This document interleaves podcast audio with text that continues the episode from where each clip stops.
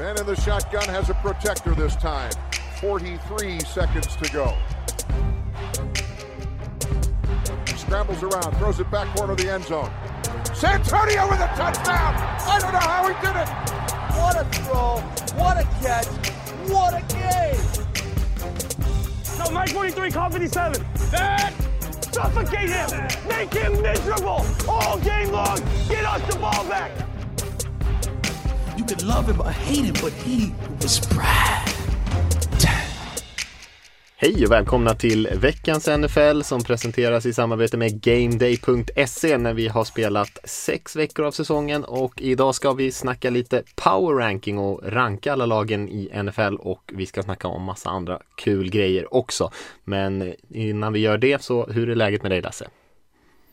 Eh, Det är lite för nära eh, natten till tisdag fortfarande här för att eh, det ska vara superbra. Men, men eh, trots det så är det bra. Mm. Rickard? Ja, jag lever ju på eh, så säga, adrenalinet sen vinsten här för, ja vi spelade inte ens en veckan innan det. Så det är bra med mig. Just Hur är det själv? Jo, det är bra. Det är bra. Mitt lag hade ju bye week så det var ju bara ta det lugnt, sitta i soffan och eh, kolla på fotboll. Ja. Ni vinner ju även när ni, alltså ni vinner ju era matcher när ni spelar så att uh, Bergvik är ju inte lika lyxigt som för mig och Rickard. Nej, det är sant i och för sig. Men sitter man obesegrad så då är det ju onödigt att spela fler matcher. Det kan ju, inte, kan ju bara bli sämre. Ja det är Smart. väldigt sant. Ja, eh, som sagt, vi ska göra lite power ranking idag. Och, och, eh, men innan det så ska vi ta lite snabba nyheter eh, tänkte vi. Och eh, det här är väl en, inte en dagsfärsk nyhet direkt. Men vi kan väl i alla fall nämna det att eh, Le'Veon Bell, running backen eh, som var en superstjärna med Steelers, hamnade i Jets. Inte har, har inte riktigt levererat där. Blev släppt eh, efter att de hade försökt trada honom och nu upplockad då av Kansas City Chiefs som har rätt mycket duktiga spelare i sitt anfall redan och nu får man in en spelare som potentiellt kanske kan hitta tillbaka till gammal form. Vad, vad tror ni om den? Såklart att Chiefs plockar upp honom. Vilket annat lag skulle göra det? det är, kan de få in lite mer offensiv krydda så, så lyckas de ju få in det. Att de lyckas ju göra det också. Jets måste ju fortfarande betala hans lön eftersom att de släpper honom. Det var garanterade pengar. Så Chiefs har ju signat honom för minimum liksom. Kostar ju dem ingenting. Um, nej, det är ju kul. Nu, vi satt ju och pratade om Clyde edwards innan sändningen och han, hur han har spelat och att han faktiskt har jättemycket yards. Vilket gör att man blir nyfiken på att se vad de kan göra med Bell i samma liksom backfield. Ja, visst. Flest scrimmage yards i hela ligan sa du till och med. Ja, då har han spelat en match mer än tvåan och trean. Alvin Kamara och Derek Henry. Men eh, ändå. Inte Le'Veon Bell då utan Edwards. Ja, förlåt. Exakt, exakt. Rookien där. Som har spelat faktiskt jättebra. Han hade ju en jättematch här senast också. Eh, och apropå rookie så kan man ju också nämna att eh, Tua Tagovailoa som är eh, rookie quarterback i Miami Dolphins har ju suttit på bänken där bakom Ryan Fitzpatrick som har spelat väldigt bra ska man säga. Fitzpatrick fick ju hoppa in och kasta några passar i, i slutet på den här utskåpningen av Jets här senast. Och nu Tua har menar med... Ja, Tua Tagovailoa. Ja, Ja, jag exakt. trodde du sa Fitzpatrick fick hoppa in. Han fick Nej, nej, han spelar nästan hela matchen. Men nu har de i alla fall meddelat att eh, Tua ska få starta efter deras bye week här. Så det blir lite kul att se fram emot det. Ja, verkligen. Det var fina bilder så när han söp in ögonblicket därefter när de släckte ner och eh, Baker May- Mayfield satt på sådana här påslakan på, eh, på platserna och sånt. När arenan var tom så satt Tua kvar där och, och njöt av, eh, av eh, att han var tillbaka skadefri. Det är ju Facetimea med jätteroligt. familjen. Gjorde han det? Ja, det är vad jag har hört i alla fall. Det var ju väldigt fint. Han är ju en väldigt fin kille. Nej men det är ju jättekul. Det är ju superspännande. Man tänkte, visste ju inte om man skulle få se dem det här året eller inte. Men eh, de spelar ju bra. De måste ju ha aspirationer på att kunna fortfarande slåss om en slutspelsplats. Så det är ju in med honom och låt honom vinna lite matcher. Men är det inte lite konstigt att man tar in honom när Fitzpatrick spelar så bra? Man har chansen på att utmana Bills till och med i och kanske i alla fall en wildcard-plats. Att man liksom ändrar på vad som just nu ser ut att vara ett eh, vinnande lag. Inte det det som är grejen med Ryan Fitzpatrick? Att man liksom måste vara lite, bänka honom när han fortfarande spelar bra. För snart kommer en sån här eh, äggmatch. Ja, du menar att man, man släpper micken åt honom lite? Ja, precis. Att, ja, ja, det kan, kan ligga något i det. Eh, och apropå bra eh, killar där också, så såg ju klippen på honom också. Han stod och, och eh, hejade på och försökte få igång publiken när Tua klev på plan där och hejade på sin unga quarterback-polare där. Så att det känns som att han tar det där med en nypa salt, Fitzpatrick. Han blev inte direkt kränkt. Han har nog väntat. Det känns nästan som du, som du säger där Lasse, att det var inte Eh, kanske lite konstig tid med tanke på att laget går bra, Fitzpatrick spelar bra, men de har säkert satt det här datumet, tänker jag, precis vid sin bye week så Tua får komma in och ta snaps på träning och sånt där, få en extra vecka och förbereda sig. Och eh, om man inte liksom, så länge han har sett bra ut på träningar så hade de nog tänkt att det var ungefär här de, de ville byta. Eh, och man har väl inget att förlora egentligen heller på att slänga in honom. Mm, nej, nej, det är snyggt, snyggt skött om så är fallet. Mm. Mm. Det var väl de enda nyheterna egentligen. Vi kan väl ge en liten så här covid-uppdatering. Det har ju varit lite nya fall men det fortsätter ju att bubbla på. Jag tror att det är åtta nya spelare förra veckan och, och elva andra anställda runt om i NFL. Men det är fortfarande väldigt få fall. Eh, lite så här mini mini-bubbel som sker kring coronagrejerna. Men ingenting som eh, riskerar att flytta några matcher just nu i alla fall vad vi vet. Mm. Och det får man ju vara nöjd med så länge det stannar där. Ska vi eh, säga någonting om matcherna? Det var ju en reaktionspodd den här veckan när eh, Olof och Daniel tror jag det var som snackade, eller var det Magnus och Daniel som snackade om eh, 19 matcherna. Eh, men det var ju några matcher som spelades lite senare som vi kanske ska säga någonting om ändå. Var det någon av dem som ni tycker stod ut som vi ska nämna? Det måste väl vara eh, Tampa mot eh, Green Bay va? Ja, det var väl den stora snackisen kanske. 38-10 till Tampa Bay Buccaneers mot Green Bay Packers som har spelat så otroligt bra. Och det var ju en riktig utskåpning. Packers tog ju ledningen med 10-0 och sen gjorde Buccaneers 38 raka poäng. Eh, och vann ju oerhört bekvämt. Och eh, Gronkowski som eh, lite skämtsamt sa att han eh, tar några bollar. Gjorde ju en riktigt bra match här nu. Nu kan man ju inte skoja med Gronkowski längre. Nu är han ju i, i nästan gammalt gott slag när han ändå är en stor del av eh, anfallet, i alla fall den här matchen. Ja, slog, eh, de slog ju eh, QB till tight end touchdown-rekordet här och snodde det från, från Rivers och Gates här. Brady och Gronk. Så de har ju ah. gjort det där några gånger och han fick ju till och med spika bollen där i en zon också i vanlig Gronk-stil. Ja, eh, de, eh, de har fått upp ångan nu, Tampa Bay, helt klart. Eh, och jag vet inte, det är lika mycket som man kan lyfta eh, Tampa Bay Buccaneers den här matchen så kan man väl kanske putta ner lite Green Bay Packers i alla fall för den här matchen. För att eh, det var eh, mer än bara Aaron Rodgers som inte fungerade tycker jag.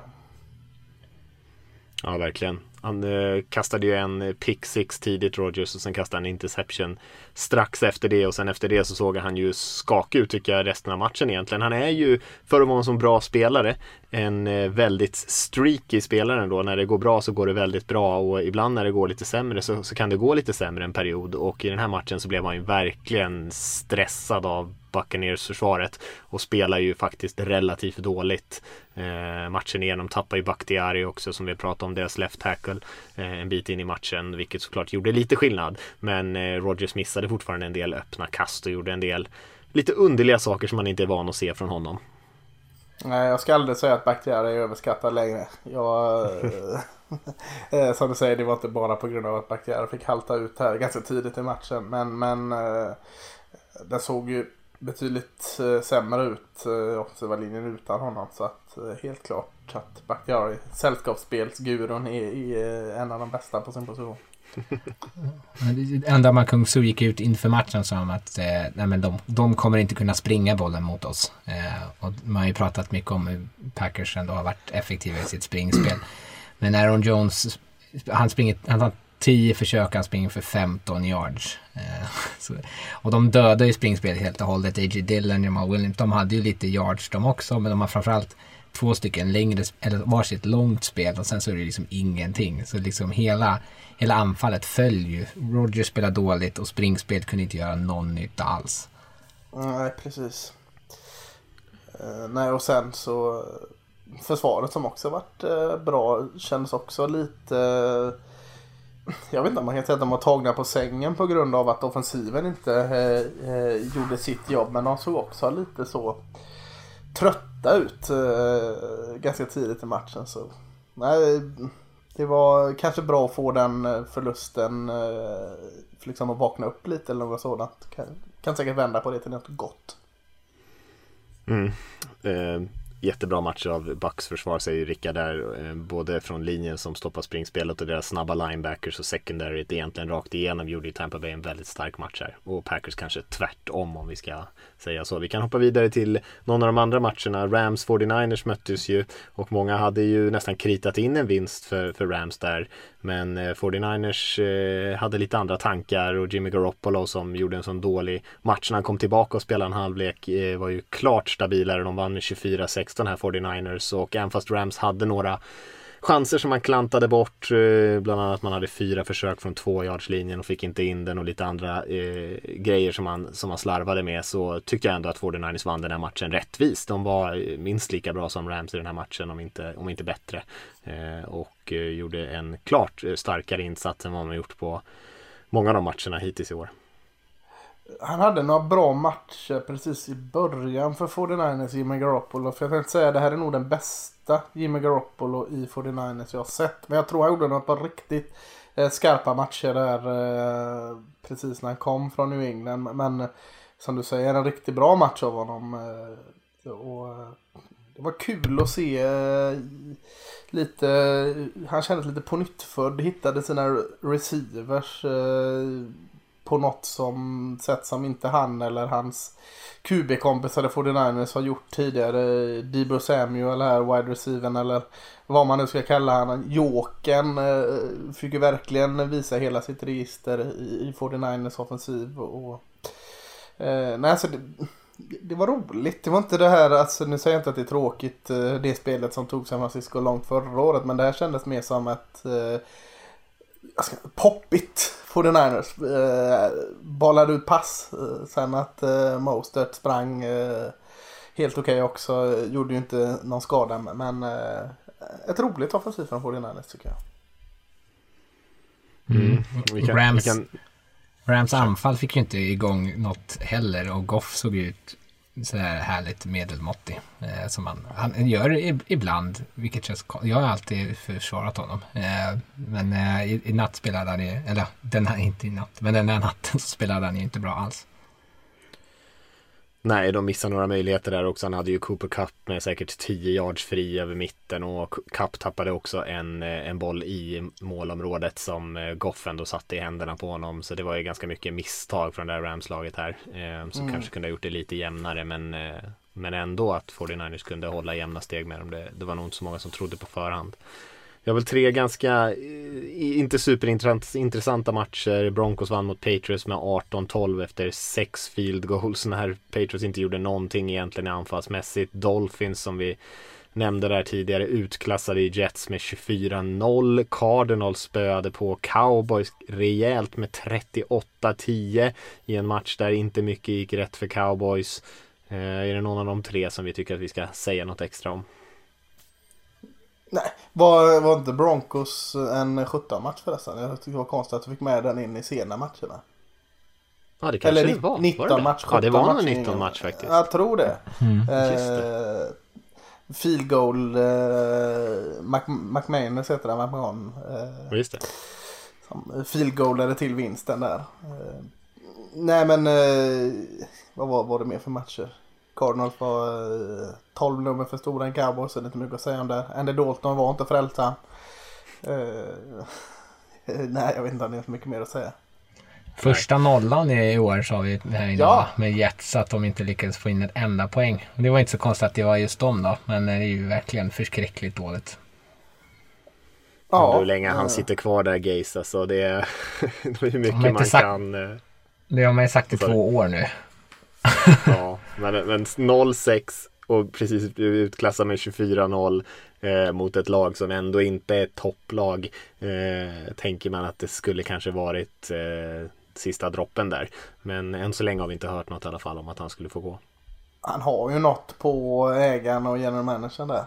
Mm. Alltså, farlig information som han hotar med att släppa om han får kicken. Alltså det måste ju Ja, vara något sånt. det.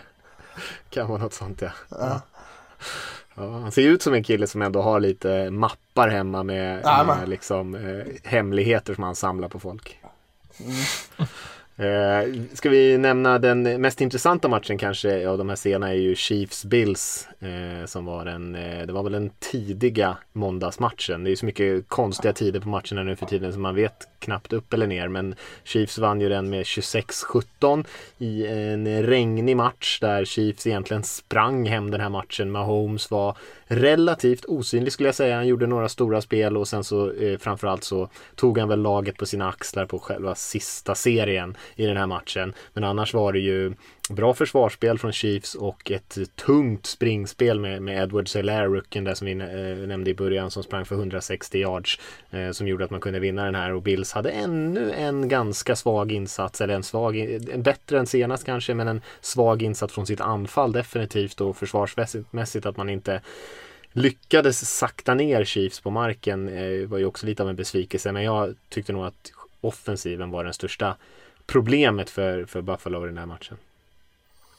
Mm, jag har bara sett uh, highlights från den här så jag kändes ändå som Travis Kelce gjorde en ganska bra match för att Thailändern där i Chiefs ja. uh, regnig plan och sånt passar honom. Uh, fick väl in två touchar med i. Mm. Ja, men det var ju framförallt att de sprang bollen effektivt som gjorde att de hade möjlighet och så lyckades de konvertera på tredje, alltså tredje down en del. Eh, så framförallt mot slutet av matchen. Mm. Hur ser det var Bills då? De är två raka förluster nu. Är det... Ska man vara orolig? Nej. Ja, det, Inte orolig kanske men jag tänker mig mot de här riktigt bra lagen. Om man är liksom kan hänga med dem. Det tycker jag man kan diskutera. Eller om man är liksom precis i, i eh, Vi kommer till power rankingen här men om man är, om man är liksom eh, Om man kommer kunna utmana om en Super Bowl vinst eller sånt där som det talades om när de var 4-0. Så kanske man börjar bli lite mer tveksam till det. Eh, om, de, eh, om de är så lätta att sakta ner. Eh, och som eh, Chiefs där, som sagt deras springspel tickade ju på runt 8-9 yards per försök långt, långt in i den här matchen. Eh, och det är ju såklart, man sakta fokuserade ju på att stänga ner de stora passspelen men ändå eh, så illa vill man ju inte blöda direkt. Ah.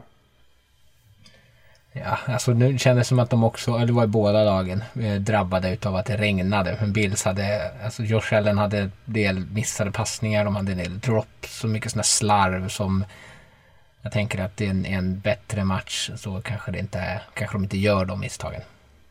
Men var det inte därför man tog eh, Josh Allen? För att han skulle vara så jäkla bra i regn och snö och allt detta. Då är han ju superman eh, sa man ju. Ja. Lite regn här nu och det går åt helsike för han. Det var ju, det var ju bara därför man draftade honom. Att han var Ja. bra i, snö, i snömatcher uppe i, i Wyoming. Ja, men så länge det hade snöat så hade de ju fixat det. Jag skulle, Ja, snö, men jag skulle snarare säga att det största problemet var att de hade massa drops. Eh, åtminstone tidigt hade de en massa drops. Eh, och sen så fick de inte igång sitt springspel överhuvudtaget heller. Nej. Nej, och man kan ju också säga att några eh, Alltså det var ju rätt mycket holdingflaggor och sånt där på Chiefs eh, passförsvar som gjorde att statsen för Ja, Allen kanske blev lite det- ännu tristare för de flyttade ju ändå bollen med hjälp av lite sådana flaggor och sånt eh, men han fick ju inte tillräkna sig de yardsen såklart. Men, nej, men det är klart att eh, Allen måste ju spela betydligt bättre än vad han gjort de här två senaste matcherna om de ska kunna konkurrera. Så är det ju bara. För eh, Chiefs och Mahomes hade ju säkert kunnat gjort mycket mer i den här matchen om de hade behövt. Man kan också säga att det här var de sprang bollen 46 gånger i den här matchen Chiefs. Det är det mesta Andy Reid någonsin har sprungit bollen under sin 22-åriga coachingkarriär eller något sånt där. Så att eh, det var en eh, väldigt underlig match eh, även för Kansas City-lag får man säga, eller ett Andy Reid-lag. Ska vi lämna den där veckan där eh, och hoppa vidare till, vi brukar göra varsin spaning. Ska vi eh, göra det den här veckan också? Ja, varför inte? Vad, eh, har du någon bra spaning eh, Mattias? Ja, bra, bra. Nej, men jag tyckte det var en väldigt intressant match, eller eh, situation i den här Titans-matchen. Eh, för att eh, det pratas ju mycket om coacher som kommer från Belichick-trädet, att de inte alltid lyckas och sådär. Och vad, när liksom får vi den här coachen som verkligen har plockat upp en del grejer. Och jag, jag tänker lite på Mike Vrabel i Titans, eh, att han kanske är den här lilla mini-Belichick. Han har gjort en del eh, intressanta saker där han har verkligen eh, stretchat regelboken tidigare och försökt hitta sådana här eh, små eh, sätt att få en fördel som Belichick är så bra på. Och i matchen här senast så, så gjorde han ju precis en sån grej. Eh, för att eh, Eh, när Texans hade bollen och skulle ta ledningen i slutet på den matchen och eh, precis eh, var man nere någonstans djupt ner på, eh, jag tror man var på 34 yardslinjen och sånt där nere på Titans och skulle driva för att ta ledningen. Så plockar de upp 9 yards på första down och då skickar Mike Vrabel med flit in en tolfte spelare på planen för att ta en medveten penalty eh, och ge eh, Texans en, en eh, first down. Eh, för att då försöka spara tid på klockan på det sättet. Och det är ju för att han tänker att de kommer ju ändå plocka upp den här andra och ett så småningom. Och det enda skillnaden det gör är att de kommer kunna ta bort ännu mer tid från klockan. Och då var det ungefär tre minuter kvar i den här matchen. Så det var inte så att det var 30 sekunder. Men han tänker så långt i förväg. Och eh, det slutar ju med eh, att Texans faktiskt gör en touchdown och att Titans får tillbaka bollen och när de får tillbaka bollen så är det drygt två minuter kvar och på grund av att Mike Rabel har gjort det här lilla jag skulle inte kalla det fulspel, jag skulle snarare säga att det är rätt smart. Eh, så har de ändå gott om tid och kan springa Henry även på eh, och inte behöva passa bollen bara och de får ju ett långt spel där och kan driva ner och avgöra den här matchen med fyra sekunder kvar med en touchdown-passning från Tannehill och eh, och det är ju mycket på grund av det som Vrabel gör där, för han sparar ju dem väldigt mycket tid på klockan som gör att de kan vända den här matchen och vinna den i slutändan. Och sen så var det lite kontrovers kring om det var en touchdown eller inte. Men det är inte riktigt det som är min spaning här, utan snarare att ha en tränare som har den kollen på detaljerna, att redan tre minuter in i matchen så har han redan tänkt igenom hur hela den här matchen kommer utspela sig och gör det, det mesta han kan för att sätta sitt lag i bästa möjliga situation. Och eh, jag tror inte de hade vunnit om han inte hade gjort det. Nej, det är jäkligt coolt faktiskt. Eh, jäkligt snyggt gjort.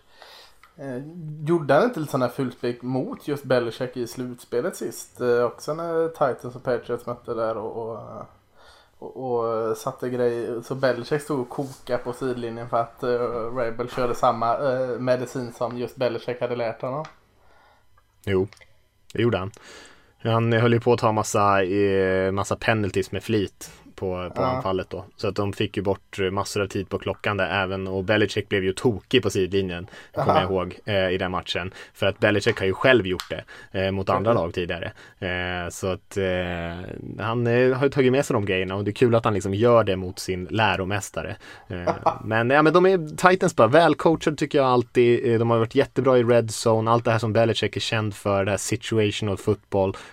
att vara liksom bra i de här kritiska situationerna i en match och det känns det som att Vrabel har tagit med sig och eh, är lite av en mini Belichick där nere i, i Tennessee. Mm, ja, grym spaning tycker jag. Eh, vad har du Rickard? Ja, alltså jag, jag tänkte den här veckan, vi har, eller tidigare Mattias då framförallt och lyft att det finns inga försvar längre i NFL och vi har ju sett de här veckorna där det har liksom spottats in poäng på, åt olika håll och det kändes som att den här veckan så så var försvaren tillbaka. Chiefs vann ju då som vi nämnde för att de stängde ner Bills offensiv.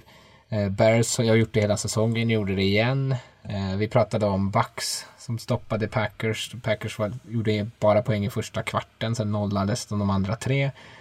Eh, Steelers framförallt, deras defensiva front förstörde det här läskiga springspelet från Cleveland och satte Baker hela tiden i stressade situationer. Eh, Ravens spelade till och med bra försvar i en halv, eller till och med, de spelade bra försvar i en halvlek, sen glömde de bort det för att de trodde de hade vunnit. Eh, Falcons försvar till och med spelade bra. Kirk hade ju en hel hög med interceptions. Um, och 49ers som stoppade Goff McVay. Så det, väldigt mycket matcher som kände, där det kändes som att det var det var bra försvarsspel och det var väldigt välkomnat. Jag tycker att det har varit väldigt mycket, nästan ibland för mycket poäng så att man tycker att det är lite tråkigt. Så kul med, kul med lite tunga defensiva matcher. Ja, det drömmer vi om. Det drömmer vi om. alltså cowboy-supporter Och Raiders-supporter. Det är inte så bra försvar i några av våra tre lag kan man nej, nej, precis. Även Broncos hade ska få en liten Ja, guldstjärna ja, där. förstås. Ja, Tog du bort dem medvetet? nej, nej, de spelar också bra. Förstås, det glömde jag bort. Det var för det är så många lag. Ja, ja, det är sant. Det var bra. Det tänkte jag inte på, men när jag ser resultaten framför mig så ser det så ut. Ja, ja eh, jag har... Eh, Mattias var inne på det här med att eh, Aaron Rodgers eh, gjorde ju en sämre match. Eller det var vi väl alla inne på. Hela, hela sportvärlden var väl inne på att Aaron Rodgers gjorde en, en direkt dålig match mot Tampa här senast. Men det du var inne på och som vi varit inne på innan är att han har en tendens att gå ner i sina dippar, Aaron Rodgers här när, när, när det inte går riktigt hans väg. När det, han har spelat bra ett tag och så ser man att han tjurar och så har, kan det vara en varning här för att det är en två, tre matcher han inte riktigt är sig själv här. Men, men jag försvarar då Aaron Rodgers och, och eh, egentligen vill jag försvara alla gamla gubbkubis här som, som vi och, och väldigt många andra är så oerhört snabba på att liksom säga ah, men nu är de slut. Nu är de slut. Nu, nu har de pikat och på väg ner för eh, Aaron Rodgers det pratades om det när eh, Love här draftades i första rundan av Packers. Ja men Rodgers vet han är på väg ner för och så Tom Brady, ja nu byter eh, Patriots bort honom här och det gör de helt rätt i för att han är på väg ner för Det här har jag också sagt så jag, jag dömer inte någon annan. Och eh, Drew Brees hade ett par dåliga matcher här i början. Äh, då är han Ben Roethlisberger. Kan han vara något att ha? Nej, han är ju hur gammal som helst och seg och orörlig. Eh, Philip Rivers. Eh, nej, han har varit på väg ner i 20 år. Eh, det, det är mycket möjligt att alla de här med något undantag kanske är på väg ner för från sin peak. Men, men det man så väldigt lätt glömmer bort att jag skulle nog säga att alla de jag nämner här nu har haft en så jäkla hög peak. Alltså när de var på toppen av sin karriär eller om de är det nu. Så är det en topp som eh, de flesta andra QBs aldrig kommer nå. Så även om de är på väg ner för sin topp så är det ju inte, alltså, det är ju inte störtlopp ner utan det, det är en promenad ner. Så att eh, även om Brady är på väg ner, Drew Brees är på väg ner och Philip Rivers är på väg ner så är det fortfarande väldigt bra quarterbacks. Så, så vi, vi kan nog vara lite snabba på att liksom ut med dem och in med eh, Justin Herbert, in med Joe Burrow, in med Tua Tagovailoa. Eller vad Och det är inte fel att eh, nya QB ska in heller, men eh, vi kanske ska lugna oss lite med att slänga eh, gamkorna till slakt. Det är det jag tänker på. Stryk Philip Rivers från den listan, sen kan jag köpa. Ah, såg du hans andra halvlek? Hur bra som Jag såg helst. hans första, Mest- delar av hans första halvlek. Ja, då, då var Det kände jag eh, igen. Ja, ja, men andra halvlek visar att det finns ju. Det är ju, men det är ju Philip Rivers även när han var på sin peak. En, bedrövlig första halvlek och en gudomlig andra halvlek. Så den här Philip Rivers, det är ju inte på att han går ner eh, från sin peak. Det kanske han gör. Men, men det är ju den här Philip Rivers det har varit i hela hans karriär. Så att det är ju den man får och den man eh, väntar sig av Philip Rivers. Det handlar ju inte om att han går ner från vad han en gång har varit. Det handlar om att Philip Rivers är Philip Rivers lite. Ja. Ja, okej. Ja, det kan lite så. Men, men, det är intressant att det inte, som du säger, där, det går inte så fort ner för de här spelarna och det är egentligen konstigt. Alltså om man kollar så här historiskt sett så borde det gå fortare. Man tänker ju på sig Peyton Manning när han slog touchdown-rekordet och var helt otrolig och han kanske är den bästa quarterbacken som någonsin har spelat. Eller jag tycker kanske det. Men och sen så när han väl, bara något år senare efter det, så var han en total katastrof. Han var inte topp 20, inte i närheten. Eh, och Nej. det gick jättefort. Men med de här andra, med Brady som han, han är ju liksom lastgammal vid det här laget men ser ju inte alls ut som det. Eh, Breeze kanske man ser det lite mer fysiskt men han är ju fortfarande väldigt stabil och, och spelar liksom inom i, för sina förutsättningar och några av de andra som du nämner där är ju fortfarande bra spelare så det har ju verkligen gått långsamt för den här gruppen av superduktiga QBs eh, som man kanske tänkte att det skulle gå lite fortare men det går, det går inte fort utan de blir bara lite, lite, lite sämre men de är fortfarande väldigt Ja. bra som du säger så jag tycker det är en, en, en väldigt eh, bra spaning ändå. Eh, de kan ju spela på väldigt hög nivå. Precis, men, men det, det finns ju en, alltså att, visst att de är på väg ner från toppen men eh, ja, det är en lugn och, och skön promenad ner till dalgången. Det är ingen störtlopp. Nej. Ja, har, har vi spanat färdigt? Ja, det tycker jag. För den här gången i alla fall. Eh, ska vi eh, hoppa in i vår lilla power ranking då. Eh, och så som vi har gjort det är att vi har eh, var och en rankat alla 32 lag och sen har vi liksom slagit ihop det till en gemensam. Så att jag tänker att vi kan gå igenom den gemensamma först och sen så kan vi väl eh, ta en liten diskussion. Vi kan gå igenom de kanske så fem lag i taget och säga några ord om dem och sen så kan vi väl kommentera där vi kanske tycker lite olika för vi har inte tyckt lika. Det är mycket är ju likt men mycket, ett par lag så sticker det ut lite grann att vi har dem lite högre eller lägre än de andra.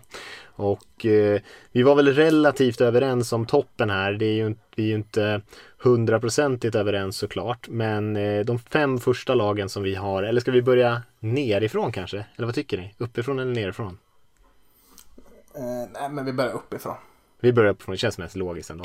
Ja. Eh, nummer ett, där har vi Kansas City Chiefs eh, som vann här i helgen. Och sen har vi Pittsburgh Steelers, sen har vi Tennessee Titans, sen har vi Seattle Seahawks på fjärde plats och Tampa Bay Buccaneers på femte. Är det något vi ska säga om de fem lagen tycker ni? Kansas City Chiefs hade vi, eh, jag och Rickard hade dem nummer ett. Eh, Lasse du hade Steelers nummer ett. Men jag och Rickard hade Steelers nummer två. Så att vi var väldigt överens om topp två där i alla fall. Ja, eh, och jag kan ju inte säga emot det heller. Det stod mellan de två. Intressant att eh, vår gemensamma etta ändå är laget med en förlust medan eh, tre bakom är utan förlust hittills. Men, men det är ju ganska, framförallt tycker jag mellan just Chiefs och Steelers att det är väldigt jämnt. Jag tycker Steelers har åkt lite bananskal i ett lätt spelschema. Det är många av de här lagen här uppe i toppen som har gjort. Eh, men eh, den enda riktiga vinsten som de har haft tycker jag är den mot Browns. Men den såg så pass övertygande ut. Men mm. Eh, jag skulle inte sätta att de skulle, de, skulle Chiefs och Steelers mötas, för det är så jag har försökt göra det här. Skulle de här mötas liksom på en neutral plan, vem vinner? Och då tror jag ändå att Chiefs är det bättre laget.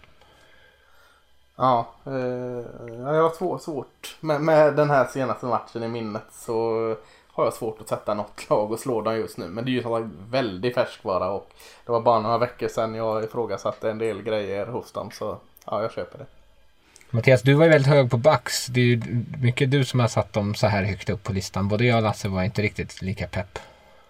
Nej, ni har dem, jag tror att ni har dem på till och med ner på sjunde plats. Jag har mm. dem på mm. tredje, vilket gjort att de har tryckt upp där till femman. Um, så jag har dem precis efter Steelers och Chiefs här. Nej, men jag har väl också tänkt lite sådär eh, lite hur bra de är nu men också lite potential. Det är svårt att göra power rankings men jag, som jag sa i början av säsongen, jag tror att det här Tampa Bay-laget, Eh, de har väldigt många duktiga spelare. Det har sett lite hafsigt ut, man har haft mycket penalties, man har ja, inte riktigt eh, hittat varandra. Jag tror att de kommer bli bättre och bättre eh, ju längre säsongen går och Tom Brady får eh, komma in i det här eh, laget och så här systemet lite mer.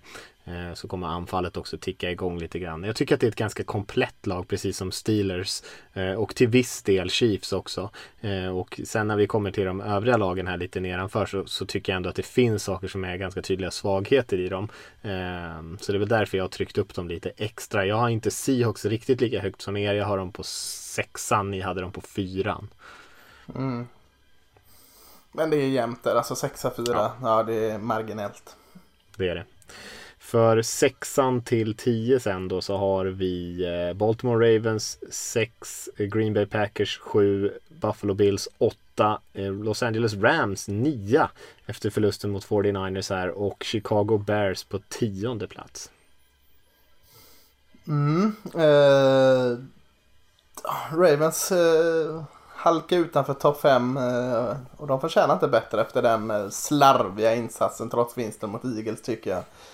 Eh, eh jag vet inte, det är lite samma veva med, med Packers där som har sett jättebra ut fram till sist. Och, kan man inte säga det om, gemen, om alla lagen? Vilka sa vi? Ravens, Packers, Bills och Rams. De fyra förlorade i helgen.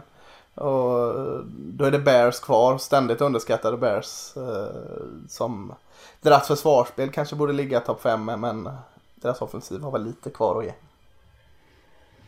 Mm. Och eh, jag tänker just med, eh, med Ravens så är det väl just där vi pratade om det eh, för, jag vet inte vilken vecka det var, tre eller fyra eller något sånt där, att de kunde, att de lyckades ändå vinna med passningsspelet när, när springspelet inte klickade. Men nu de senaste två veckorna så har det ju varit precis det här samma problemet som, som de hade när de åkte ut i slutspelet och det som är liksom, det som är, om någonting är ifrågasatt med det här Ravens-laget och Lamar Jackson så är det ju just att kunna eh, om passningsspelet kan vara där uppe med elitlagen i NFL och eh, så har det inte sett ut på ett litet tag. Och eh, det, man kan säga samma sak om Bills egentligen.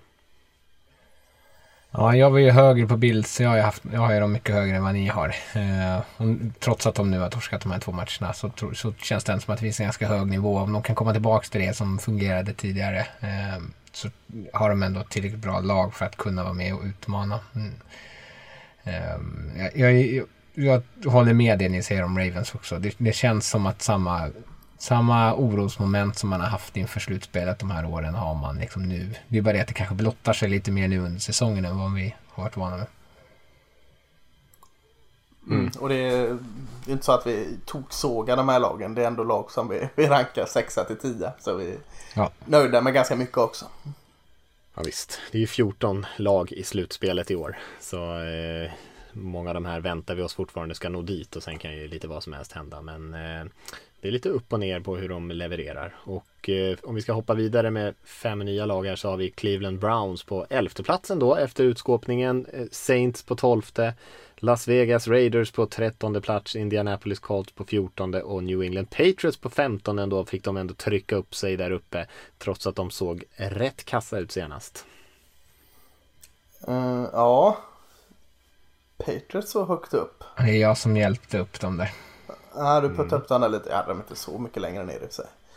Uh, men annars känns det väl, New Orleans Saints är väl kanske en lite av en besvikelse kan vi säga så. Mm, ba, bara tolva med, med all rätt eller på att säga. Eller säger jag. Eh, så lite oroad och känns inte heller så jätteklart tycker jag vart den här vart pilen ska peka. Ska den peka upp eller ner från 12? För Saints, den, jag tycker den ja. känns som att det är ungefär där de är. Om något skulle jag säga ja. ner. Ja. Men vad tror man om vi skulle göra en power ranking om, om eh, fem ytterligare omgångar? Hade de varit åtta eller hade de varit sextonde?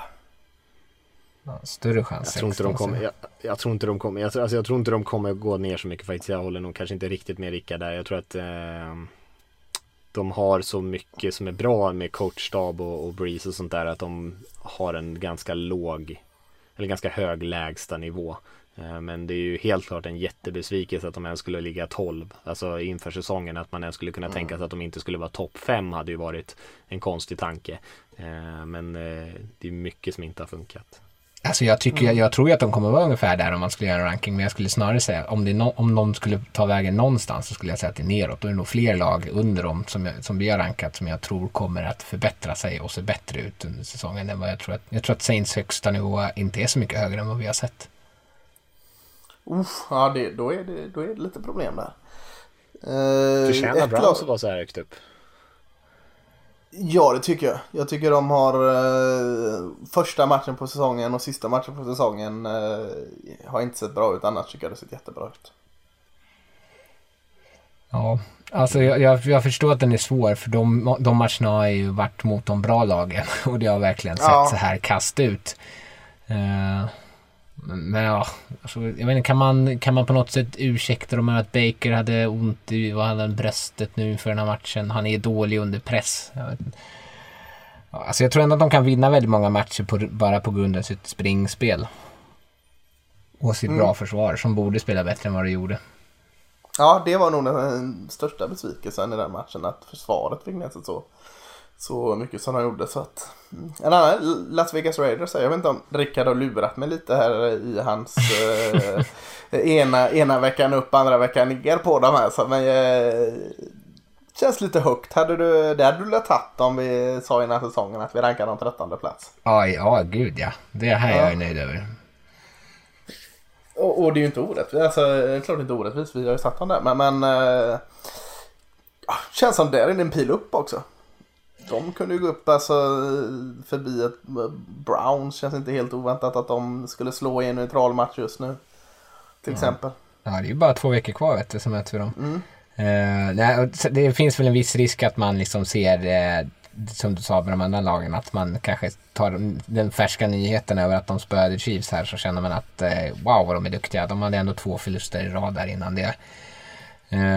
Men alltså, jag tycker att de visar ändå på en helt okej potential och anfallet har faktiskt spelat bra i år. Eh, sen behöver de steppa upp i försvaret och fortsätta kunna leverera där. Men eh, det här är jag nöjd med. Det trodde jag inte på förhand. Alltså jag får den. eh, Jag har bara sett två, två matcherna för eh, Las Vegas hittills. Men jag får den här känslan att Las Vegas har lättare att slå Chiefs som de gjorde än att eh, slå Cincinnati Bengals till exempel. Ja, det, det bara känns så liksom att eh, de på något sätt eh, eldar igång sig själv och, och får det att funka med såklart Gruden i spetsen. Han är väldigt bra på att elda igång.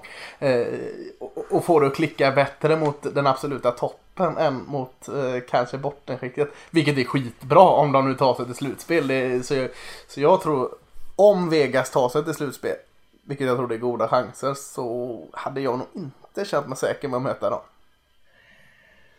Ja, alltså det där Fem försvaret... veckor in i säsongen. Ja, det där försvaret är fortfarande hemskt. Och, och Chiefs har, ju- har ju varit deras liksom, kryptonit egentligen de senaste åren. Eh, men jag, jag tror att det ligger någonting i, eller jag, jag tror att det ligger någonting i att de, de blir inte så mycket, de är inte så pass bra att de dominerar dåliga matcher, men de är till bra för att kunna hänga i även mot bra lag. Eh, och det är därför alla deras matcher i år har varit väldigt jämna och matcher mot Packer, eller nej, mot Patriots, nu vann de i och för sig relativt eh, enkelt där efter andra halvlek, eh, hur det såg ut då. Men det kändes ändå som att matchen inte var helt förlorad. Matchen mot Bills var de inte heller helt utspelade utan det var ändå jämnt in i slutet. Men också deras vinster har ju varit jämna in i slutet. Ehm, så det, det är ju liksom ett lag som, lite som ditt Seahawks där Mattias, som alltid Alltså, liksom kommer vara, det kommer vara tajta matcher vare sig de möter liksom Jets eller om de möter Chiefs. Och ja, men jag tänker så här, spöar man laget som är rankat nummer ett se förra veckan så kan man ju inte gärna hamna längre ner än nummer 13 tycker jag. Så jag tycker det är ganska rimligt att de ligger så här högt upp ändå. Och jag håller med Lasse om att pilen eh, i det här ändå unga Raiders-laget ändå pekar mer upp än ner. Eh, och så får vi väl se om de vad vinsttotalen slutar på i, i slutändan. Men eh, man har ju haft lite eh, fördelar ändå av att de andra lagen i divisionen har åkt på några smällar skademässigt och Raiders än så länge klarar sig hyfsat ändå får man säga. Eh, och det gör ju ändå att man har en god chans tror jag att nå en slutspelsplats. Vi får se. Ska vi hoppa vidare och ta, vi har Cardinals på 16, Panthers på 17, Dolphins på 18 efter att jag tryckt ner dem och Chargers på 19 och Texans på 20. Oj, Texas högt känner jag spontant. Mm. Vem är det som, är det du i vanlig ordning Mattias som har tryckt upp dem? Ja det är det. Ja, det är det. Är det det? Jag ska kolla. Mm, det, är det. Ja, det är det. Ja, det, är det. Varför då? Varför har du Texas som eh, så högt som 20? Det är ju nästan att den utmanar om slutspel. Uh, de torskar ju mot Titans på fyra sekunder kvar. De är rankade tre. Och eh, nej, men Ja, jag är de inte så jättehög på Texans så var väl egentligen inte det inför säsongen heller. Men jag tänker att med Watson eh, och anfallets potential och kanske några stjärnor i försvaret så har man ändå en, en nivå så att man inte bör vara så mycket längre ner än så här tycker jag. Mm, Los Angeles Chargers är roligt, de är 19 det här.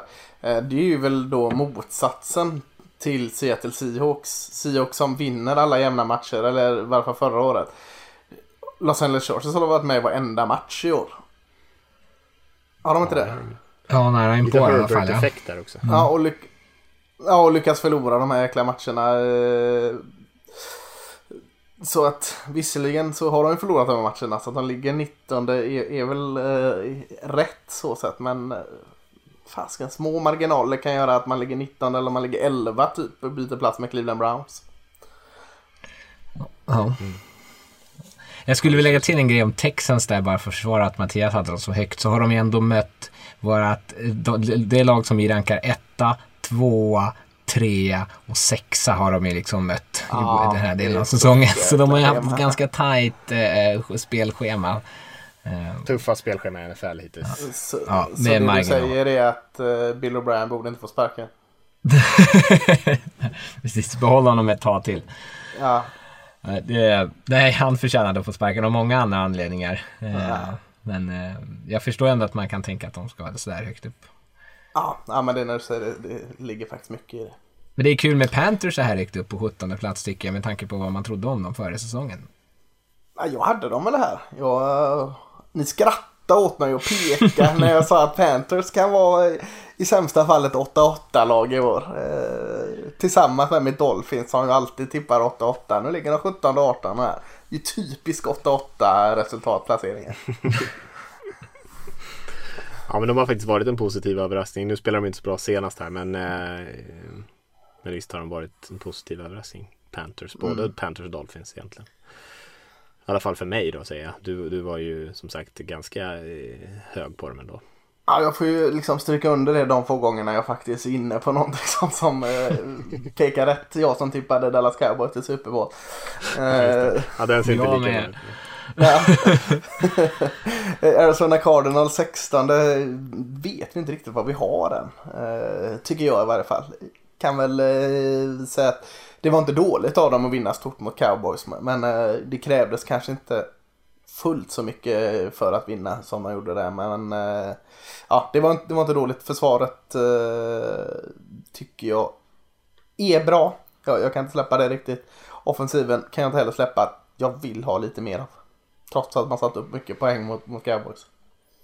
Ja visst, men man får ändå säga att eh, det kanske inte är Kyler Murrays fel alltihop. Men eh, än så länge den säsongen han har är väl en av de största besvikelserna i år. Och, och det är som sagt det är inte kanske Murray som är problemet. Men man tänkte ju att han i år tar han klivet och är Mm, uppe och snackar som en av de bättre quarterbacksen i NFL. Och han har ju varit Eh, det är ingen som pratar om Kyler Murray i år och det är ju inte konstigt egentligen. Han gör ju egentligen ingenting speciellt. Har alldeles för mycket turnovers och eh, har tuffa förutsättningar där till och från. Men man trodde ändå att det skulle gå betydligt smidigare med det här anfallet den här säsongen. Ska vi, ska vi hoppa vidare till, vi har ju ett lag också i Detroit Lions på 21 som kanske också har haft chans att vinna lite fler matcher än vad de har gjort. Sen har vi San Francisco 49 22, Minnesota Vikings 23, Denver Broncos 24, Atlanta Falcons 25 och vi kan väl slänga in Dallas Cowboys 26 där så har vi ändå ett gäng lag i den här gruppen som eh, många nog trodde kunde vara betydligt bättre än så här. 49ers, Vikings, Cowboys tänker jag på framför allt. Eh, Falcons det var väl in, kanske inte så många som trodde att de skulle vara riktigt så här dåliga i alla fall som de har varit den här säsongen. Nej, jag drar strecket där. Eh, Detroit Lions, San Francisco 49ers, Minnesota Vikings, Denver Broncos. Sen drar jag strecket. Sen är det nedflyttningsplats från lag 25 till 32 om man jobbar så. För att jag tycker det är... Du nämnde Broncos, sen Falcons, Cowboys. Falcons, Cowboys känns betydligt mycket sämre och större problem än vad Broncos, Vikings, 49ers och Lions har. Mm, kanske, men de är också lite mer upp... Alltså jag rankade ju Falcons en eh, bit före Broncos. De, det är därför kanske de hoppar upp lite. Ni hade dem ju längre ner än mig här. Men jag tycker ändå att det finns eh, Det finns en del bra spelare i det laget. Skillnad från kanske Broncos där man fortfarande med QB-positionen med lock eh, har ju inte varit eh, vad man hade hoppats på än så länge i alla fall. Jag satte Broncos på 18 plats alltså. Jag satte dem väldigt högt. Jag tycker de är, är bra. Eh, när de, nu har de eh, gått igenom det här stålbadet med eh, testa 12 QBs eh, och nu är Drew Lock, eh, Lock tillbaka. Och eh, försvaret, visserligen utan Von Miller som Rickard var inne på på sin spaning, gör det bra. Eh, har spännande receivers så att eh, Ah, ja, eh, Denver Broncos. eh, Jag tror inte det blir slutspel, men jag tror de eh, kan samla sig till min 8-8-skara, även Denver Broncos. De behöver ju vinna på det sättet som de vann nu senast. Det är det som gör dem lite svåra. För det anfallet kommer inte kunna generera så mycket poäng. Och frågan är om de verkligen kommer kunna spela. Eller kommer kunna döda matcher på det sättet som de gjorde med sitt försvar. För det var ju, det spelade de bra med Patriots anfall. I sig spelade ju inte jättebra heller. Ehm, Jag tycker att det är svårt det här. Vi pratade om det inför. Att det är väldigt många lag här i botten som man skulle kunna sätta i lite vilken ordning som helst. Det är väldigt många dåliga lag. Eh, mm. Att, att Lions liksom inte ens är botten 10 känns ju jättekonstigt med tanke på hur de har sett ut. Ja, men du Mattias gillar ju Lions. Ja, det gör jag nog ändå. Alltså, de, är ju, de har ju spelat rätt bra, varit inne i många matcher, tagit stora ledningar och sen har de klantat till det. Eh, så jag menar, det är ju inte ett bra lag. Men, men jag hade dem på, jag tror jag kanske, hade jag dem på 15 kanske, något sånt där. Så någonstans där i mitten istället för här nere då. Men det är ju inte så jättemycket skillnad, det är väl åtta vinster eller sex vinster. Men, eh, nej, men jag tycker att ändå där finns det också eh, en hel del att tycka om. Eh, och så har de haft lite oflyt eh, slash varit klantiga och tappat ledningar. Men eh, precis som Falcons så visar ändå att man kan spela på en ganska hög nivå i alla fall i perioder. Sen om man får ihop det eller inte. Jag tänker på lag som Bronco som jag hade mycket längre ner än, än dig Lasse till exempel. Att där mm. finns det inte så mycket uppsida tycker jag. Och jag tror att de kommer få svårt framöver här och, och vinna jättemycket matcher men eh, eh, men det är ju ja, det är lite hugget som stucket mellan de här lagen. Som eh, jag håller med Rickard där om man ska liksom dra linjen var någonstans de seriösa utmanarna finns någonstans så, så är det kanske efter Raiders på 13 eller någonting sånt där. Och sen är det inte så jättemånga mer Colts kanske på 14 och sen är det liksom stopp tycker jag och övriga eh, 19, 18, 19 lag eh, kommer inte ha någonting med det här att göra. Och eh, jag vet inte, det känns inte som att det brukar vara riktigt så många lag som, som man känner är mer eller mindre borträknade. De måste ju tyvärr ta med ett lag från NFC East så ett av de här bottenlagen kommer ju äh, vara en slutspelslag. jo, jo, jo. Några kanske når slutspel men då åker de ju ja. ut direkt liksom. Det är inte... Ja. ja. Eh, ja det som är så svårt med Lions också, om man tar just dem som exempel, de har inte haft så mycket skador. Eh, liksom om, man om man tar då 49ers, man tar Broncos, man tar Cowboys, Eagles. Det är liksom lag som är decimerade utav skador. Och så eh, liksom har Lions ändå lyckats hålla sig relativt hela och ändå är så här dåliga. Det tycker jag är skandal. Ja, det, är ju, det kan man ju diskutera såklart. Ja.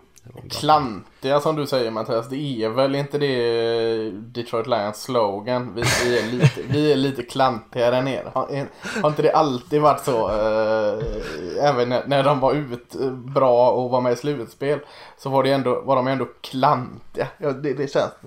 Ska jag beskriva Detroit Lions med ett ord så tycker jag det är ett bra val av ord som du säger. De klantar bort det. Ja. Ja, det har de ju verkligen gjort. Ska vi runda av den här listan så har vi mm. New York Giants, Philadelphia Eagles, Jacksonville Jaguars, Cincinnati Bengals, Washington Football Team och på en eh, okontroversiell sista plats där New York Jets. Ja, eh, jag hade ju Giants, eh, jag puttade upp dem högt där med, rankade dem som bästa laget i NFC East. Eh, så, så de gick upp där över Eagles när vi fick ihop det. Eh, jag tror de är bara, de är bara en vinst från att leda divisionen. Eh, de har inte som Eagles och Cowboys mer än halva starttruppen på injury reserve. Washington football team har för många problem med QB. Giants har fortfarande Daniel Jones. Även om han inte är bra så tror de på honom fortfarande och det är enligt planen. Saquon Barkley visserligen borta men, men en running back har de visat att det går att ersätta. Så att, ja, jag tror faktiskt New York Giants, eh, jag säger inte, jag säger inte att de kommer bli bra den här säsongen. Man behöver inte vara bra för att vinna NFC East. Jag tror de kan vara minst dåliga just på grund av skadeläget här. Och, och ja, jag, jag har bytt till Giants som favorit i NFC East. Mm. Eh, ja, nej, men det är väl, de har väl lika stor chans som någon av de andra höll jag på att säga. det, det, är inte, det är, det man vet inte riktigt vad som ska hända vecka för vecka i East. Nej, det är lite... Det är en bisarr situation. Ja, det är en... Eh, vi får väl se om de fortsätter spela på den här nivån eller om det är någon som lyfter sig. Men annars så går vi väl kanske mot en av de sämre divisionerna. Som jag kan komma ihåg i alla fall. Eh, nu är vi ju bara sex veckor in i säsongen här men ja, vi får se vad, vad vinnaren av divisionen stannar på i antal vinster. För nu utan Dak här och som, som Eagles ser ut, båda eh, de lagen har ju jätteproblem på sina offensiva linjer och är egentligen mm. Ja, mer än en hel offensiv linje är ju skadad för båda lagen. Om man slår ihop alla skador där. Så att, eh, det är ju inte riktigt samma lag som ställde upp från början. Eh, så vi får väl se. Några, jag tänker några lag som kan klättra lite här. Man kan ju tänka sig att Vikings kanske börjar vinna lite matcher. De var ju inte med bland den här gruppen. Men jag tänker också Ja, vad kan man mer tänka sig? Jag ska tänka mig att Eagles kanske börjar vinna lite matcher så småningom. Man får tillbaka lite spelare och kanske kan eh, vara det här laget som vinner East. Men eh, ja, det är, det är inte så mycket positiva tecken på de här lagen längst ner i botten. Jaguar som hade lite, lite power i början av säsongen här. Eller varför vecka ett lyckas de vinna en match och Gardner Minch och det pratades snabbt om att de behöver inte tanka för, för Tre, Trevor Lawrence. De har ju Gardner Minch. Eh, Det går spikar Apropå överreaktioner. ner. Ja, det har gått spik rakt ner för det. Ja, problemet med Minshew är ju, alltså jag har ju aldrig riktigt köpt honom som en, en starter, inte ens förra säsongen och jag tänker att eh, problemet med honom är ju att han måste ju spela den här matchen som när det blev så mycket hype när han hade 19 av 20 passningar och har han inte 19 av 20 passningar så är han inte tillräckligt bra och det går ju liksom inte att spela på det sättet för att han har så mycket andra saker som är som han helt enkelt inte har. Alltså i den här senaste matchen förra veckan så eh, var det ju ett gäng bollar som bara liksom dog i luften. För han får inte tillräckligt med chili på sina kast utan det är, eh, ja, det, är, det är en ganska tydlig svaghet för honom. Och det är ju ett problem för Jaguar. Så deras försvar är ju också en mindre katastrof. Mm. Mm. Är det något mer vi ska säga här? Om de här om Det var kul. Kul att göra power ranking. Mm. Ska vi göra det varje vecka och bara ha det i podcasten tycker jag. Vi säger bara vilka som har gått upp och ner så, här, så bara ta Ja. givet att alla lyssnare liksom kommer ihåg ranken från tidigare veckan. Ja, alla skrev, skrev väl upp här nu antar jag. Ja. Nej men någon mer power ranking gör vi säkert. Eh, men vi kanske Ja. ger det några veckor ändå. Kan man Ja. tycka. Kanske rimligt. Eh, ska vi hoppa in i vecka sju? Vi har ju ändå ett, eh, en del spännande matcher att se fram emot. Eh, var tycker ni att vi ska börja någonstans? Vi ska börja med att säga att eh, då vintertid i USA Mm, bra. är igång en vecka eller två veckor. En vecka innan en, ja, i varje fall före svensk vintertid. Så att matcherna går igång redan klockan 18.00 på söndag. Så att ni inte missar första halvlek för att ni är så inställda på att det går 19.00. Så att innan vi nämner någon match så kan vi ju nämna att alla de tidiga matcherna 18.00. Det är ju riktigt skönt alltså, för då betyder det att också de eh, andra matchen brukar vara färdig. Om inte runt midnatt så kanske en eh, halv ett eller något sånt där. Och det är ju ändå ganska rimligt får man säga jämfört med det schemat som man brukar hålla på söndagskvällarna. Mm. Jag gjorde ju misstaget direkt och eh, planera upp en, en eh, familjesöndag där i godan ro. Jag tänkte att ah, men då har jag en kvart till godo när vi kommer hem. Nu, nu får, jag, får jag ligga på gaspedalen för att hinna hem till 18.00. Ja, Jag har gjort precis samma sak. Alltså, det var skönt att jag slipper känna mig dum ensam. Ja. Aj, aj, aj, aj, vad dålig Ja. planering. Ja, vi får se om Radiosporten har har igång matcherna.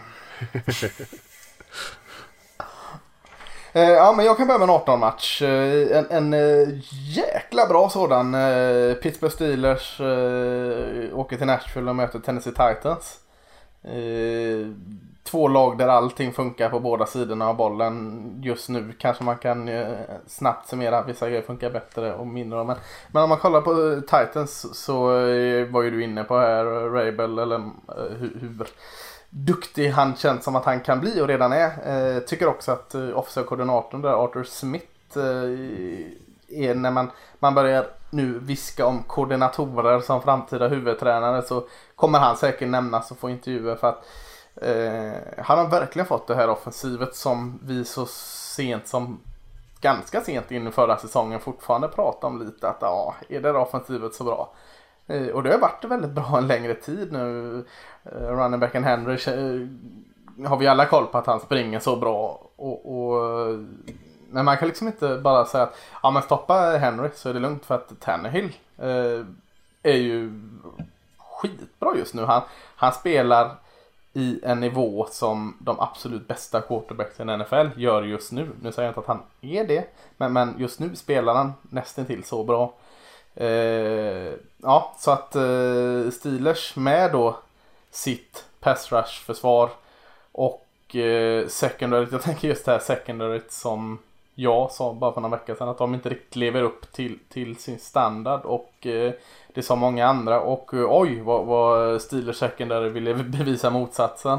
Eh, nu senast mot, mot Browns eh, med, med Minka Fitzpatrick i spetsen. Eh, eh, slaktade ju eh, Clevelands offensiv om, om eh, Miles Garretts hjälmslag mot Mason Rudolph var någon form av skolslagsmål så var ju det här någon form av eh, knivfight i det sibiriska eh, tundran från, från Steelers mot eh, Browns. Jäklar vilket försvarsspel. Så att det är ju en, en, en galen match här då om man ska rikta in sig på Titans nu väl fungerande offensiv mot Pittsburgh Steelers riktigt heta defensiv. Så, och, och då startade det väl i offensiva linjen Titans mot, mot Steelers defensiva linje och deras pass rush. Särskilt nu då kanske när Titans eller när Titans får klara sig ut eh, utan sin bästa tackle Lavan som, som är skadad. Ja, det är en jättespännande match tycker jag. Verkligen ett bra test för de här två lagen. Eh, jag tyckte de sa det på sändningen senast i den här Steelers-matchen att de hade tio olika spelare med, med, med pressures. Så att det är verkligen en ja. laginsats. Och jag tänker där kan man också prata om coachning. Att liksom eh, ruschen kommer från alla möjliga håll och man roterar spelare. Man får ändå press. Och så blir det vissa spelare som är var fullkomligt dominanta som Cameron Hayward till exempel som eh, gjorde en otrolig match och Watt är ju en otrolig spelare. Men, eh, men ändå att man får sån produktion från hela laget är ju, eh, är ju verkligen ett positivt tecken. Ja och att de får sån press även när det inte är eh, rush mot kuben. Eh, att de ändå lyckas få den pressen det är mm. jäkligt imponerande. Och då har vi inte pratat om deras offensiv här med, med Eh, till och med running back Connor såg bra ut sist och Claypool fortsätter ju vara en jäkligt jobbig spelare att eh, gameplana emot. Eh, behövde ju knappt använda sig av Julius Smith-Schuster och Eric Ebron senast. Eh, så de har vilat sig i form där. Så att, mm, eh, jag tippade Steelers som etta på min power ranking så att jag får ju tippa dem att vinna här mot Titans på bortaplan. Mm. Ja, bra match. Eh, Titans, alltså jag håller med dig om att de har sett så bra ut. Ska jag, får, jag väl, får jag lyfta en annan match även om jag inte lyfter ja. den tidig? Då vill jag ju lyfta mm. mitt eh, Las Vegas eh, Raiders förstås när de möter Tampa Bay Buccaneers. Båda som kommer från sån här, så, vad säger de kommentatorerna? Statement wins, säger de. Eh, alltså att man har vunnit en sån här riktigt bra match som visar vinst, högsta nivå. Och nu Bucks Packers och Raiders spöade Chiefs. Så det är en väldigt rolig match av den anledningen. Två heta lag. Eh, mm. Bucks eh, som stoppade Packers eh, med deras springspel som är liksom är nyckeln för Raiders. De lyckades sätta mycket press på Rogers så att han var obekväm med fickan, vilket också är liksom om Carr, om man ska säga någonting om, som Carr verkligen är dålig på så är det när han börjar matcher stressad så hittar han aldrig tillbaks i den. Han är en sån rytm med QB så honom kan de få liksom få ner. Det, jag brukar alltid tänka på det Al Davis brukade säga att eh, the, the, the, quarterback must go down and he must go down hard. Och det är lite så med Carr att får man ner honom på marken tidigt då påverkar det honom hela matchen. Um, Raiders försvar som är så här allt historiskt de senaste 20 åren åtminstone har varit så här riktigt, riktigt kast. Uh, kan, liksom på något sätt så hänger det liksom i sig i kulturen och så är de fortfarande lika kassa. Och den här matchen, de, det är sånt här de är dåliga på. De möter en QB som är smart och som kan se de här felen. Som, för det är nästan alltid en spelare som är ur position för att de inte riktigt vet vad de ska och det är så dålig kommunikation. Och Tom Brady är ju liksom en expert på att eh, bryta hål på den typen utav eh, på den typen av försvar. Men eh, Raiders som nu, då har de haft en bye week, lite extra tid att planera, de är lite höga på sig själva. De kan ju fortfarande leverera på hög nivå med anfall, så jag tror att den här matchen kan bli riktigt kul. Jag kan tänka mig att det blir väldigt mycket poäng om inte nu då Raiders lägger sån här ägg som de gjorde i andra halvlek mot, mot eh, Patriots när jag sa att det skulle bli mycket poäng i den matchen också. Det här tror jag är en väldigt underhållande match. Ja, jag, jag håller med. Den är ju också jäkligt bra. och Ja, eh, ja, vi pratar mycket om Tampa Bays eh, anfall och offensiv här mot, Packers. Men eh, jag tror Mattias du lyfte också deras försvar. Och eh, jag vet att du har lyft det på flera olika, vid flera olika tillfällen. Eh, Tampa Bay secondary.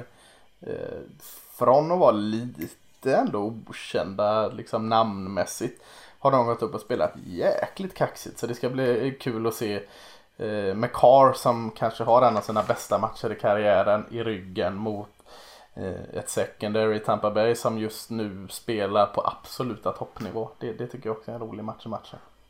Jag skulle tro, ja. utan några siffror på det, så skulle jag säga att det är ligans två yngsta secondary som möts. Ja, det är det. Ja, jag tror det. Mm.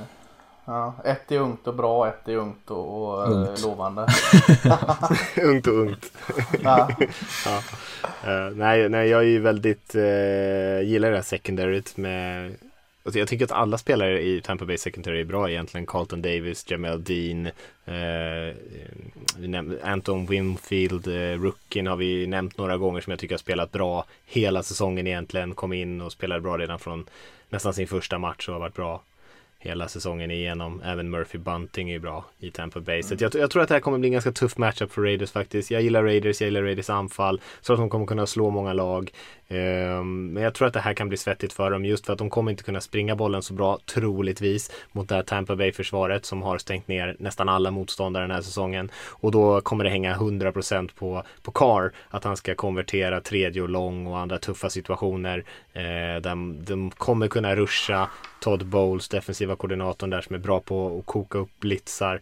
Eh, så tror jag att han kommer hamna under press. Mycket kommer hamna på hans axlar. Han kommer inte komma i den här rytmen med de enkla kasten som han vill. Eh, och då tror jag att det här lite hungriga secondary till Tampa Bay kommer kunna kanske utnyttja det. Eh, jag tror att det kan bli en väldigt underhållande match. Jag är inte helt säker på att Buccaneers anfall än så länge klickar så jävla bra att man bara kör över lag. den här Packers-matchen var ju mycket som studsade deras väg som gjorde att man också fick ihop så mycket poäng. så att jag tror att det kan bli spännande men jag tror att Tampa Bay är numret för stora för Raiders. Det tror jag med. Jag, lyfta, jag kan lyfta Seahawks-matchen då när vi ändå är igång och pratar om våra egna eh, gubbar här. Seahawks möter ju Cardinals. Cardinals som vann stort här mot Cowboys senast. Seahawks har bye week. Förhoppningsvis får eh, en och annan spelare tillbaka, kanske Jamal Adams eh, i sitt secondary. Intressant match tror jag. Eh, Seahawks försvar har inte lyckats stoppa nästan någon den här säsongen, särskilt inte passmässigt, så det kanske kan vara en sån här dag där Kyler Murray får putsa på de här säsongsstatsen lite grann. Eh, men det jag har sett av Cardinals så tycker jag ändå att Seattle har sett bättre ut. Eh, man har vilat lite här nu, vilket alltid är en fördel i NFL eftersom alla spelare har någon form av liten skada som man dras med. Och eh, som den nivån som Wilson och, och, hela anfallet egentligen har spelat på så tror jag ändå att man kommer kunna flytta bollen här. Eh, men jag tror definitivt att det kommer bli lite poäng. Jag tror att Cardinals absolut inte kommer se lika apatiska ut som de har gjort i anfallsspelet utan att man eh, faktiskt gör det här lite spännande. Som alla Seahawks-matcher eh, lyckas ju inte vinna överlag som man är bättre än eh, eller ens förlora stort överlag som är mycket bättre än dem. Så att det blir nästan alltid jämnt och jag tror att det blir det här också men att Seattle ändå vinner den här matchen i slutändan. Mm, eh, ja, jag, jag det är så oerhört svårt att tippa Cardinals tycker jag. Eh, det är lättare att tippa Seahawks att det ska vara jämnt här åt något håll. Men vart det, och de har ju varit på rätt sida av marginalerna eh, bra länge nu. Så att eh, lite av en skräll så tror jag faktiskt att Cardinals tar detta. De, de eh, har också ett ungt lag, eh, nytt system, eh, en sån här stor seger ger självförtroende, ger tro på det de håller på med och kanske att de seglar in med det och faktiskt eh, slår Seahawks på näsan där. Så jag tror på en liten skräll med Cardinals. Ja, eh, alltså jag jag tror att den är jämn, men Cardinals har så mycket problem. Seahawks måste ju kunna vinna den här matchen. Ja, Seahawks har också problem för att vara ett 5-0-lag. Mm. För högre högsta nivå tycker jag. Mm. Ja, jag, jag skulle nog säga att om de möts 9-10 matcher så vinner eh, Seahawks eh, fler än fem matcher. Men, men den här, som situationen utspelar sig så tror jag lite skrällvarning. Mm. Ja, eh, ja, ta en annan eh, 18-match då bara för att och, återigen stryka under att matcherna börjar klockan 18 så ingen missar detta nu. Det här är ditt främsta uppdrag den här veckan. Ja, precis. Matchen är inte så noga. Det var viktigt att ta 18 matcher. Eh, Panthers mot Saints, en, en divisionsmatch. Eh, båda lagen har tre vinster. Eh, Så en liten står där vilka ska haka på Tampa. Eh, om det nu är de man ska haka på. Eh, matchen spelas i Superdome och inte i Baton Rouge. De har ju flörtat lite New Orleans Saints här med att flytta matcherna upp i Louisiana för att få spela inför publik. Eh, men, men eh, så blir det inte när det läser Superdome. Eh, ganska roligt med Panthers. Alltså. Om man säger Teddy Bridgewater quarterback, Mike Davis running back, Robbie Anderson wide receiver så är det ju inte direkt så wow, det låter som ett mäktigt offensiv. Men, men eh, ja, mäktigt kanske inte är rätt ord men ett väl fungerande offensiv både på, i springspelet och i passspelet. Och, och det är med de här spelarna liksom i spetsen. Eh, det känns väldigt roligt eh, på något sätt att det är de, eh, Christian McCaffrey gick ner. Ja, nu, nu går det skit. Cam Newton, nu börjar vara med en annan QB. Mm, receiverproblemet har varit ett stående problem. Så är det tre nya spelare som, som bär offensiven. Man tänkte att när Matt Rule skulle komma in där att ja, defensiven kommer funka men hur är det med offensiven? Och mycket cred säkerligen till Joe Brady som man tog in från, från LSU, offensiva koordinatorn. Eh, får ju möta, han har ju varit i staben med eh, Sean Payton och Saints där så att eh, liten homecoming eh, var ju LSU innan där också. Så att, eh, det är spännande att se deras offensiv. Eh, försvaret ser bra ut. Tacken Derek Brown har ju börjat se riktigt bra ut nu efter en liten trög start. Eh, så det är mycket gott med Panthers. Saints kommer från Bioweek, kommer från två raka vinster. Michael Thomas är tillbaka. Eh, offensiven tror jag inte är problemet. Eh, Camaro har ju liksom burit det där på sina egna axlar i, i väntan på att Thomas och, och Bree ska komma igång. Men, men försvaret är ju problemet. Alltså man, man, man läcker lite för mycket. Man släppte 27 poäng mot Chargers, 29 poäng mot Lions. 37 poäng mot Green Bay de tre senaste. Så att, eh, ja, eh, Panthers kanske inte glödheta offensiv men, men, bra offensiv mot ett Saints-försvar som än så länge inte ens är i närheten av att leva upp till sina förväntningar. Eh, så har jag svårt att tippa en segrare. Jag tippar nog Saints ändå för att eh, jag har den här respekten för att någon gång lossnade för det här bra laget. Men ja, det känns som en rolig divisionsmatch. Matchen i matchen känns det som, jag är ju väldigt förtjust i Jeremy Shin, eh, deras hybridspelare som Panthers draftar. Mm. Han känns ju som att de, han ska ju vara där för att kunna stoppa spelare som just Alvin Kamara. Alltså ja. att han ska kunna vara och täppa till hål i springspelet men också, också kunna vara till, tillräckligt bra i coverage för att han ska kunna följa honom.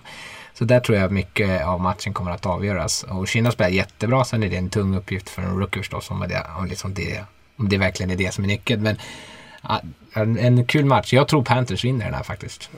Ja, det hade varit jättekul. Hoppsan så. Ja, nej, jag är nog lite mer på Lasses safea spår där.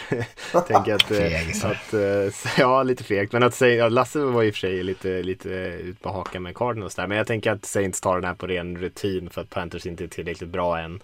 Men eh, visst finns det mycket saker att gilla och jag håller med om. Han har spelat jättebra för, för Panthers. Ska vi lyfta någon sista match kanske? Jag tänker att jag, man kan ju nämna eh, Monday Night Football-matchen där när Bears möter Rams. Två lag som vi ändå hade ganska högt upp i vår power ranking här. Eh, Skönheten och odjuret. Just det, just det. Vad tror vi om den Rickard? om man får säga skönheten och odjuret, men det känns lite så. Bears vinner, lite, lite talande, Nick Foles sa precis efter eh, vinsten senast här, eh, och man kan koppla till det, då sa han att eh, bra lag vinner inte fint, bra lag vinner oavsett. Eh, och det känns lite som att det är så Bears gör och de får så mycket skit för hur det ser ut på plan, men ja. någonstans så lämnar de inte alltid matcherna med en prick i vinstkolumnen och det, det ska man ju ändå, man ändå ge dem och då har de, en, de har inte haft kanske det svåraste spelschemat i världshistorien men de har ändå vunnit en del ganska tuffa matcher. Eh, och Rams å andra sidan som känns som ett så här glammigt lag som är lätt att tycka om för att de har ett kul anfall och en del playmakers i försvaret. Eh, jag, tycker att den känns eh, spännande. Det känns som den här typen av match där Rams offensiva linje kommer att ha problem. Bears försvar har verkligen spelat bra. Och Rams visade sig ju nu vad ska man säga, Goff spelade ju dåligt också men de visade ändå att det går att stoppa det anfallet. Eh, och framförallt om man får lite press på Goff så att han känner sig obekväm. Eh, och det, det, kan ju Bears absolut göra. Det har de ju tillräckligt bra pass rushers för. Ja, eh, kul med Bears eh, med odjuret då att eh, man gick ju ändå in i den här säsongen med att anfallet är skräp men, men eh, försvaret kommer ju bära det här laget. Och sen så tvekade i alla fall jag lite för försvaret klickar inte direkt vecka ett. Eh. Men nu tycker jag det ser sådär jäkla bra ut de sista matcherna. Eh, som kanske till och med bättre än vad de visade sina bästa stunder förra året. Så att, eh, det fula försvaret eller vad fasken nu man ska kalla det. Det vackra försvaret väljer jag att säga. Är på en skithög nivå nu för Bears. Så att försvaret vinner denna tror jag. Mm, ja, men det krävs ju att man inte gör för mycket misstag bara i sitt anfallsspel bara så att man sätter sig i en omöjlig situation. Men jag kan absolut se att de kan vinna den matchen mot Rams eh, som har mött lite enklare motstånd som vi varit inne på. Var lite, de lite kul, de hade i sändningen här senast mellan Rams och, och 49ers så hade de en liksom satte upp Shanahan och McVeigh bredvid varandra och berättade om deras ganska lika resa. Alltså båda har ju haft liksom pappor som har varit lite grann i branschen kan man säga.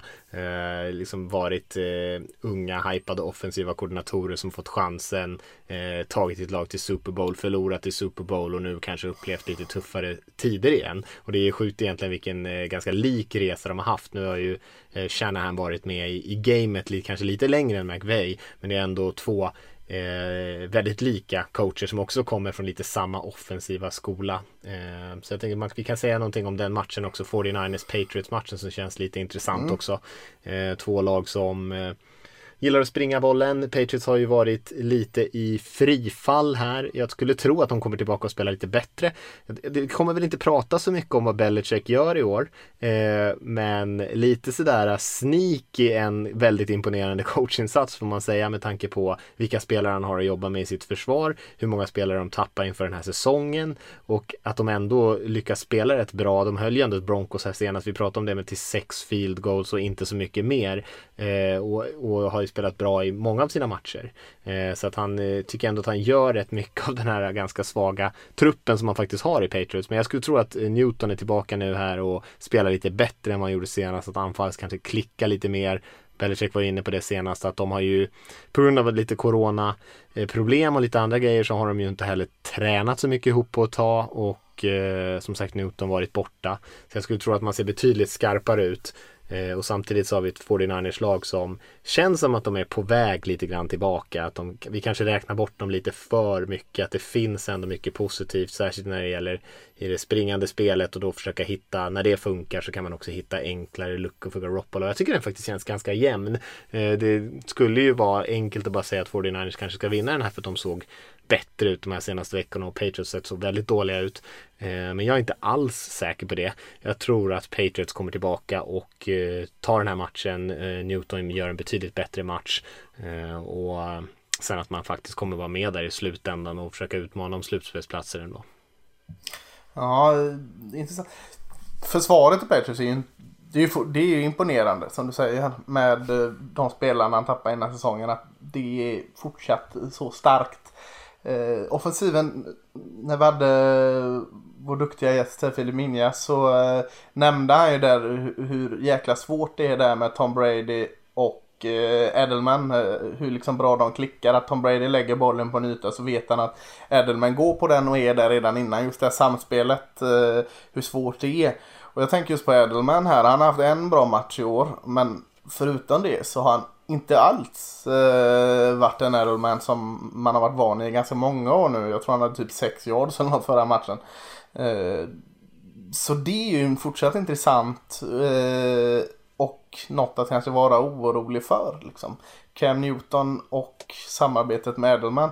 Edelman är så oerhört viktig för deras offensiv framför allt nu då när, när så många andra nyckelspelare är borta. Så att eh, det ska bli intressant att följa eh, Edelmans resa utan Tom Brady.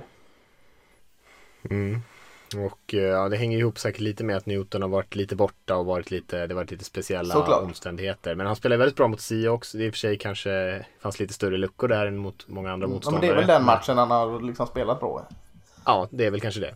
Ja. Eh, Men jag skulle tro ändå att de eh, att de kommer kunna hitta lite mer kemi än vad det såg ut den här senaste matchen. Men man har ju lite problem på offensiva linjen också ska man säga. Patriots eh, eh, Hjalte Froholt, dansken var ju inne och spelade här senast. Jag har ju faktiskt inte eh, lagt någon energi på att kolla hur bra han spelade. Men eh, det är ju också för att de har en del skador där på sin, på sin linje som kanske var det som var enda, enda egentliga styrkan i det här anfallet eh, innan Mm. skadorna.